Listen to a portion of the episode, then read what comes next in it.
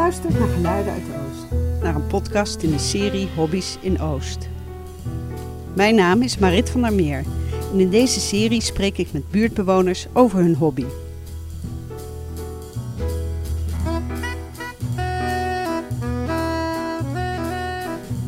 Het is eind januari 2021. IJzig koud, maar een mooie zonnige zondag. Hobby van vandaag voert mij naar een wel heel bijzondere plek in Amsterdam-Oost. We staan op het dak, Midden in de stad. midden in de stad. Prachtig dakterras, echt een oase. Ehm, je weet, eh, wij zijn buren. Ik maak deze serie over hobby's in Oost. En ik deelde de eerste in onze buurt-app. En jij zei, ik heb een leuke hobby. Misschien is het goed als je eerst even iets over jezelf vertelt, je voorstelt. Ja, Dat ik ben Fulco en ik, ik heb niet een leuke hobby. Wij hebben een leuke hobby, want ik doe het samen met mijn vrouw, Linko. Maar die is eh, hard bezig met haar kooschappen, dus die zei, eh, de podcast doe jij maar. Ja, Dus we zijn sinds een eh, paar jaar zijn wij stadsimker, zoals het zo mooi heet. De meeste mensen denken dat het heel moeilijk is, maar eigenlijk blijkt dat het imkeren in de stad een stuk beter gaat dan imkeren op het platteland omdat eh, met name de biodiversiteit in de stad veel groter geworden is. En omdat natuurlijk nog steeds, eh, en dat is wel een heel groot thema denk ik sowieso voor het imkeren, natuurlijk op het platteland nog steeds heel veel uh, guld strooien met alle mogelijke bestrijdingsmiddelen die eigenlijk het voor, voor bijen houden en voor alle andere insecten het heel moeilijk maken om eh, te overleven.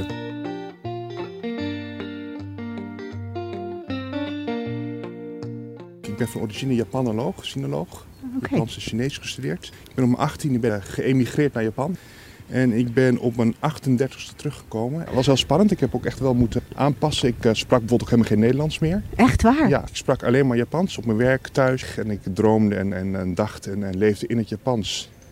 En ik merk het nu nog steeds, want eh, ja, ik zoek vaak nog steeds Nederlandse woorden. Ja. Ook omdat we natuurlijk thuis toch vaak... eh, Ja, want Linko is Japans, hè? ze is Noors, Noors-Japans, half-half. Haar moedertaal is Engels en, en Noors. Hè, zij is opgegroeid in Afrika, dus Japans spreekt zij niet zo goed als ik. Gek genoeg.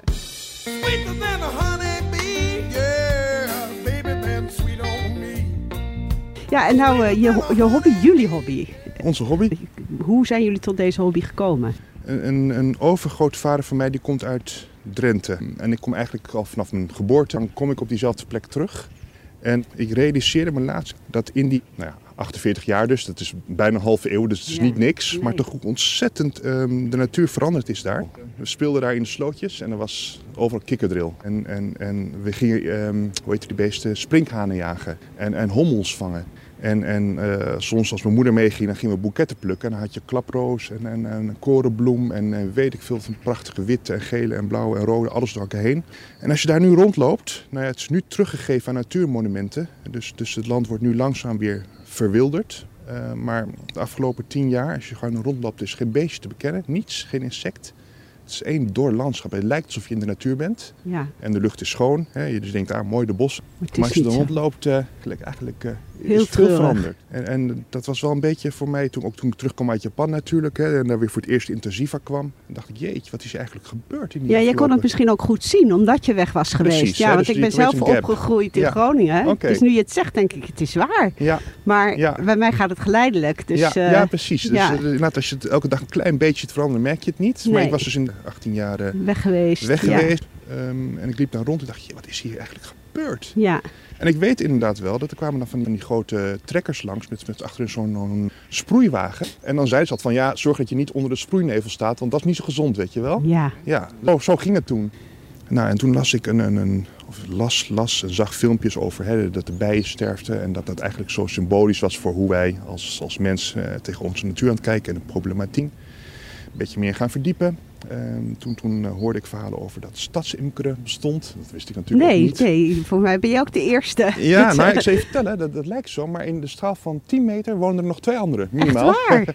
Daar is een imker en daar woont een imker. Ik ken ze niet bij naam. Maar ja, zij doen het geloof ik niet in de stad dan. Maar in ieder geval, dus er wonen Oh, nog twee imkers in de Ja, straal ja, van ja. eh, 10 meter. Ehm, nou ja, en toen ben ik uiteindelijk gaan googlen voor imkerkurs. Toen bleek dat die overvol zaten. Het hele imk was vroeger natuurlijk een hobby van, eh, ja, ik ben er zelf inmiddels ook eentje, maar van oude, mm, Norse, nukkige mannen. Nou, zo zou ik je nog niet willen omschrijven hoor. Nou ja, goed, dat was een beetje het imago, maar het is Ja. tegenwoordig echt, ik denk ook door de, al in de berichtgeving, eh, heel erg populair. Dus ik heb geloof ik twee jaar lang op een wachtlijst gestaan.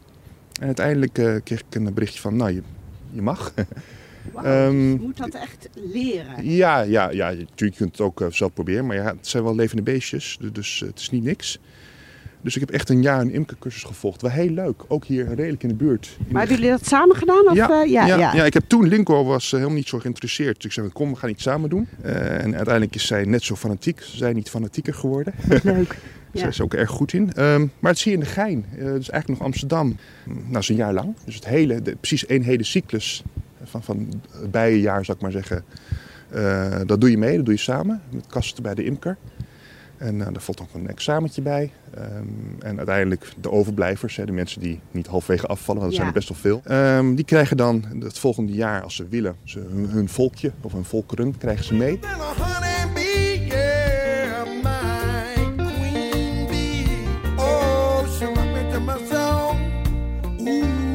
Vroeg me af, hoe kom je aan bijen? Want ik, ik herinner me dat ik jullie van de zomer op een gegeven moment Ja. van die pakken zag lopen. Ja, ja. En dat jullie volgens mij op een koningin gingen kopen. Kan dat? Eh, nou, de, de traditie is eh, dat je je eerste volkje nooit mag kopen. Dat moet je krijgen. Ja, dus wij hebben onze volkeren, dat is een afsplitsing van de volkeren van onze imkerleraar dus. Je zegt volkeren, want ik zie hier een stapel prachtig gekleurde Ja, dit, dit, kasten dit, is, eh, staan. dit is leeg, dit is winterspul. Maar hier staan de Oh. kasten Oh, grappig. Dus aan de dit voorkant. Ze hebben nu... dit is eh, echt een afgescheiden stukje van het terras, Ja, ik hier. Met ja. eh, een aantal kasten die met de trekbanden goed Tegen vast zijn gezet tegen de wind. Ja, ja, dat ja, je wil niet kunnen- hebben natuurlijk bij de storm dat eh, Nee, dat de kast omwaait. Ja, dan heb je geen En- blije bijtjes en geen blije buren. En ik zie wat kruiden om ze heen en bloemen. Ja, in de zomer is die echt een paradijs. En hoeveel volkeren heb je dan? We hebben nu eh, vier volkeren. En Oh, dus elke kast heeft in principe zijn eigen volk. En elke volk heeft zijn eigen koningin. één koningin. En jullie kregen je eerste kast met je eerste volk. En toen, want nu heb je er vier. nou, net zoals bij elk ander mens of, of beest, eh, wil men zich voortplanten. En is bij bijenvolken gebeurt het dat een volk op een bepaald moment sterk gaat groeien in het voorjaar. En als het volk en de koningin het met elkaar eens zijn dat het volk zo sterk is dat het tijd is om, om een nieuw volk te gaan creëren. Dat is een best een heel interessant proces. Ehm, dan gaan ze in de natuur gaan ze zwermen. Dat wil zeggen dat de koningin met ongeveer de helft van het volk op een bepaald moment er vandoor gaat. En naar een nieuwe plek, meestal vrij dicht in de buurt, een nieuw volk gaat stichten. En het achtergebleven volk dus een nieuwe koningin ondertussen aan het opkweken is. En dat is dus de natuurlijke bevalling, zal ik maar zeggen, van een bijenvolk. Eh, maar in de stad wil je natuurlijk niet ongecontroleerde zwermen hebben, want dan heb je een zwerm in de, in de schoorsteen van je overbuurvrouw. En om dat te voorkomen doe je wat dan een kunstmatige zwerm heet. Dus je doet eigenlijk het natuurlijke proces na. Eh, en daarmee breid je je volk uit van 1 naar 2. En van 2 naar 4 en van 4 naar 8. Eh, nou, dat kun je natuurlijk niet oneindig doen als je niet oneindige ruimte hebt. Nee. Dus wat je aan het einde van het jaar doet, eh, als, als het volk in grootte afneemt, hè, de, in voorbereiding op de winter, dan kun je volk weer bij elkaar samenvoegen. Maar samenvoegen, dan heb je twee koninginnen. Ja, en dan sneuvelt er eentje. Want dat was ook een van de dingen waar ik over na zat te denken. Het is nu winter. Ja. Toen we afspraken zeiden, ja, we kunnen ook bij jou in de tuin. Ik denk, ja, nee, daar zien we niks. maar ze zijn er wel dus. Ze zitten nu in eh, wat heet de wintertros. Dat betekent dat allebei heel dicht, heel dicht op elkaar gaan zitten en heel langzaam gaan draaien. De buitenste schil heeft het koudst, de binnenste schil heeft het warmst. De koningin zit middenin. Zonder voedsel. Ze hebben voedsel, hè, dat is de honing. Dus ze knabbelen, af en toe knabbelen ze wat honing op en dat verdelen ze ook door het volk heen. Heel langzaam. Ehm, maar het gebeurt nu heel weinig. Ze moeten elkaar dus alleen maar warm houden en overleven. Rond een graad of 7, 8, als de zon er goed op schijnt, dan ga je zien dat die tros gaat loskomen. Dan worden ze dus, gaan ze zich wat uitzetten. En als het nog iets warm wordt, gaan ze naar buiten voor een reinigingsvlucht. Want ze zitten dus maanden opgesloten. Ja, dus de vleugels zijn helemaal... eh, Vleugels, maar ook ontlasting. Hè. Ze, doen dus Ja. niks. Ehm, dan gaan ze even naar buiten, komen ze weer terug. En eh, nou ja, dan op een bepaald moment in februari, maart wordt het natuurlijk steeds warmer. Dan krijg je dagen van 10 graden, 12, 13, 14 graden. En dan begint langzaam het proces van eh, broed. Dus het kweken van eh, baby's, zal ik maar zeggen. Begint weer op gang te komen. En dan moeten ze dus ook weer stuifmeel gaan halen om die beestjes te voeren. Dus dan zie je de eerste bijtjes uitkomen. De sneeuwklokjes en eh, dat soort planten worden dan druk bezocht om ja, weer, weer het proces te beginnen. En dan zie je dus langzaam het volk gaat toenemen in aantal. Maart, april eh, gaat het exploderen. Dan gaat het dus echt gigantisch groeien. Dus dan ga je van die 6, 7, 8.000 die je er nu hebt, gaat het naar 30, 40, 50.000. Heel snel. En die passen allemaal in hetzelfde Ja, huisje. nou, wat we dan doen, en dat zie je hier dus, dit zijn dus spares, zou ik maar zeggen. Dan, ehm, als wij vinden dat de kast te vol wordt, dan zetten we er een kast eronder of erboven erbij. Eigenlijk einde van de zomer, hè, dus, dus augustus, dan gaan ze al voorbereiden op de winter. Dan moeten ze dus ook een honingvoorraad op orde hebben. En dan eh, ten eerste worden dan de mannelijke bijen, de darren, die zijn dan eh, niet meer nodig. dus die krijgen ook niks meer te eten, worden letterlijk eh, het huis uitgezet en verhongeren. Wauw. Darrenslacht heet dat. Ook, ook de werkste bijen die in de zomer heel veel honing hebben gehaald, die zijn op. Hè, dus letterlijk Ja, op. De vleugeltjes zijn helemaal gerafeld. Dus die sterven ook. En dan gaan ze de winterbijen leggen. Die hebben een andere eiwitverhouding, waardoor ze dus nou ja, een andere rol.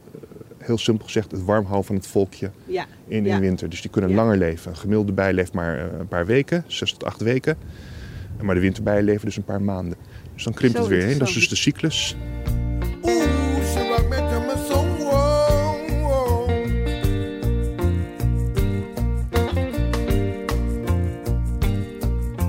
Nu hoef je niet zoveel te doen. De Ja. bijen doen het zelf. Ja. Maar ik neem aan dat je in de zomer... Ja, je kunt er heel druk mee zijn. Een beetje afhankelijk van welke stijl je dus volgt. hè. Wij volgen dus de, de biodynamische stijl van eigenlijk met rust laten. Ehm, je hebt eigenlijk een paar momenten waar het even druk is. Dat is dus eh, zo ergens in, in, in april, mei. Dan moet je goed in de gaten houden, als je in de stad woont in ieder geval, dat het volk niet zo groot wordt en niet die zwermneiging gaat vertonen. Dan kun je eerst beginnen met dus meer ruimte geven, dus extra kasten erop zetten. Ja. Als dat nog die zwermneiging niet wegneemt, dan moet je dus gaan splitsen. En dat is echt werk. Hè? Dan ben je, als je het per kast bent, toch wel een uur of twee bezig.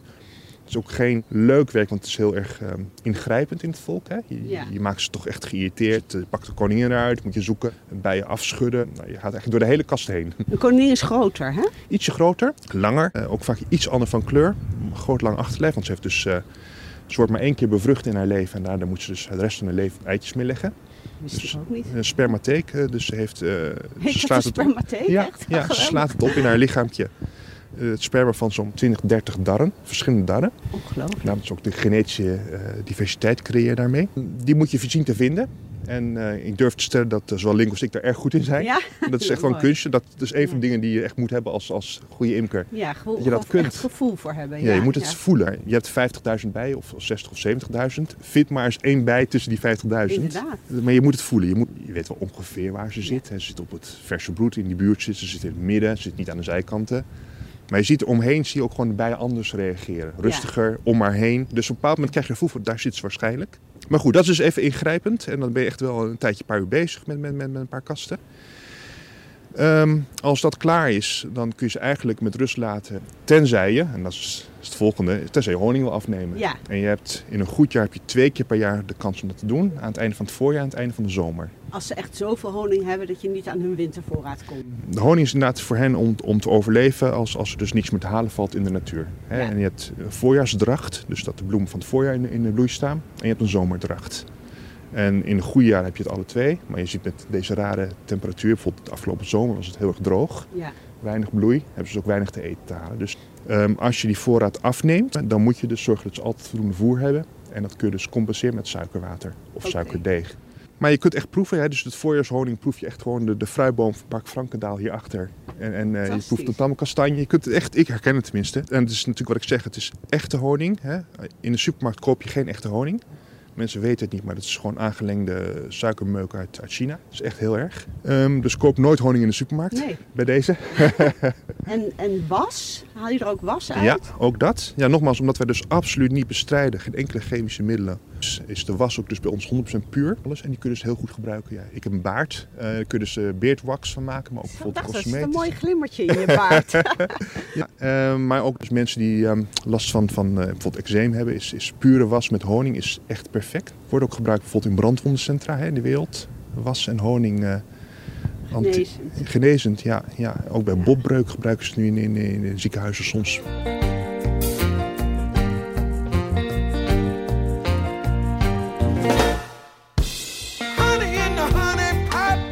Meer je hoort, hoe meer je denkt, we zijn met z'n allen ook wel knettergek dat we die bij zo bedreigd hebben. Ja, hè? ja. Want eh, het is niet alleen de voedselketen, het, het is veel meer Het dan is veel dat. meer. Nou ja, wat je ziet in, in China, dus mijn, een beetje mijn, mijn voormalige Mhm. tweede thuisland, zou ik maar zeggen, hè, Japan, China. Dan zie je echt gebieden waar dus geen insect meer te vinden is. En dan zie je dus, dus meisjes met kleine handjes, eh, letterlijk in groot getalen de appelboomgaard ingestuurd worden met, met eh watstaafjes om, om, om te bevruchten. En je ziet nu aan de andere kant, zie je in Amerika, waar ook hetzelfde probleem is, zie je mensen dus mini drone bijtjes maken. Het is de wereld op zijn kop, hè? Precies, Ja. ja.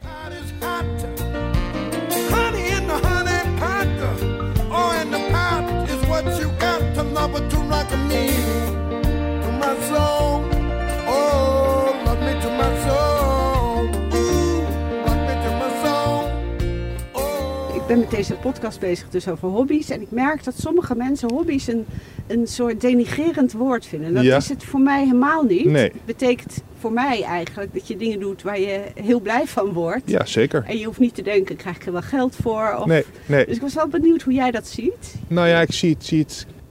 Ik, ik- ik ben geen hipster, ik ben ook niet zweverig. Ehm, maar er gebeuren in zo'n kast dingen die wij nu pas een klein beetje beginnen te snappen wat er nu echt gebeurt. En op heel veel manieren heel erg exemplarisch is van hoe bijvoorbeeld onze maatschappij Ja. functioneert of niet functioneert of zou moeten functioneren. Dus eigenlijk is het een soort combinatie van een leiderschap in een kast, namelijk de koningin. En dat zeg ik als eh overtuigd republikein. Dus eh, ik zeg meer als leider. Hè. Zij is Ja. de spil in het web. Ja. Maar tegelijkertijd, ze kan zelfs niks beslissen. Ze is volledig afhankelijk van haar volk. Het volk bepaalt van we gaan nu zwermen of we gaan nu deze koningin verstoten en een nieuwe koningin maken. Ja. Nou, die mannetjes, die rol van die mannetjes. Vroeger dacht men hun enige rol is om eh, te paren. Ja. Maar we komen ook steeds bijvoorbeeld achter eh, via onderzoek dat ze ook eh, dienen als een soort communicerende factor tussen de verschillende volkeren. Dus de ene werker bij, werkster bij kan niet zomaar bij een andere werkster volk binnenkomen. Dan wordt Ja. ze gewoon bij de deur tegengehouden, letterlijk. ja. Wel. Die worden gewoon toegelaten. Ja. Dus, dus men vermoedt dat er dus wel degelijk Het zijn ook communicatie... een soort eh, bruggenbouwers, zeg soort bruggenbouwers ja. zijn van, hé, hey, hoe zit het bij jullie genetisch in elkaar? Als kan allemaal- zo'n daar van het ene volk ook een koningin van het andere volk bevruchten? Ja, nee, die- juist. alleen ja? maar. Ja. Alleen dus ze maar, kunnen niet hun eigen koningin hebben. Dus ook daar weer heel Oh. ingenieus. En de koningin, als zij dus op haar paringsvlucht, dus eigenlijk prinses, op paringsvlucht gaat, dan vliegt ze verder dan de darren kunnen vliegen. Dus die, ze ontmoet dan andere daar. Andere darren, dat noemen ze het darrencafé. Eh zo, zo ergens op tijd van het jaar dat dus gepaard moet gaan worden, gaan alle darren massaal overdag de kast uit. En die verzamelen zich, congregeren op één plek. En waarom die plekken nou die plek zijn, weten we niet precies. En dan komt er dus een vreemde koningin of prinses op dat moment komt langs. En dan massaal gaan ze erop af. De koningin vliegt hoger, is lichter, eh, kan verder vliegen. Dus alleen de sterkste darren bereiken haar bereiken. Ja, nou, twintig mannen. Dan doen ze een darrencafé. Die mannen doen dus de hele dag niks anders dan te wachten tot er een vrouwtje langskomt. Fantastisch. Ja, ik zag grappig genoeg gisteren Jan Terlouw op tv. En Ja. hij zei van, wat ik de overheid echt verwijt is dat ze mensen niet het ge- gevoel geven dat je ze ertoe doet. Idee van de overheid die maar steeds alles wil reguleren omdat Mhm. mensen het zelf niet zouden kunnen. Dat doet me hier een beetje aan denken. Ja. Van, iedereen heeft eigenlijk gewoon zijn rol. Je kan er ook best op vertrouwen dat die rollen Precies. ingevuld worden en ook noodzakelijk Ja. zijn. Nou, ik, ik, volgens mij, je hebt zoveel verteld. Echt ongelooflijk leuk. Eh, ik vraag altijd aan het eind, heb je nog een tip voor de mensen die hier naar luisteren? Die denken, ja, of- ofwel ik vind het leuk, of wat kan ik op mijn balkon doen? Ja. Of, weet Ja, je. nou ja, het is niet iets wat je zomaar kunt doen. Ja. Ehm, dus ik zeg niet tegen iedereen, ga maar lekker imkeren. Ja. Maar als je nou niet per se denkt, ik ga bijhouden, maar wel, ik bedoel, ja, zoals ik zeg, ik doe, probeer echt het hele jaar door bloemen in de tuin te Ja, hebben. kijk, dat is een hele Of- mooie. Want dus, ik gaf het aan het begin al aan, die biodiversiteit is het grote probleem. De grond totaal uitgeput. Grond uitgeput, uitgedroogd, eh, kapot gemaakt. Terwijl in de stad dus iedereen zijn eigen volkstuintje. Ja, Ja. dat gaat hartstikke goed. Mag ik je ontzettend bedanken hiervoor. Echt eh, heel erg leuk. Ik heb heel veel geleerd. Leuk. En ik eh, nou, ga mijn best doen om er een hele mooie Mooi. podcast van te maken. Dit was een podcast voor Geluiden uit Oost. Wil je reageren of heb je zelf een hobby waar je over wil vertellen? Mail dan naar info.geluidenuitoost.nl Je kan ons ook op Facebook volgen. De muziek was van John Coltrane met My Favorite Things en van Taj Mahal met Queen Bee. Bedankt voor het luisteren en tot de volgende.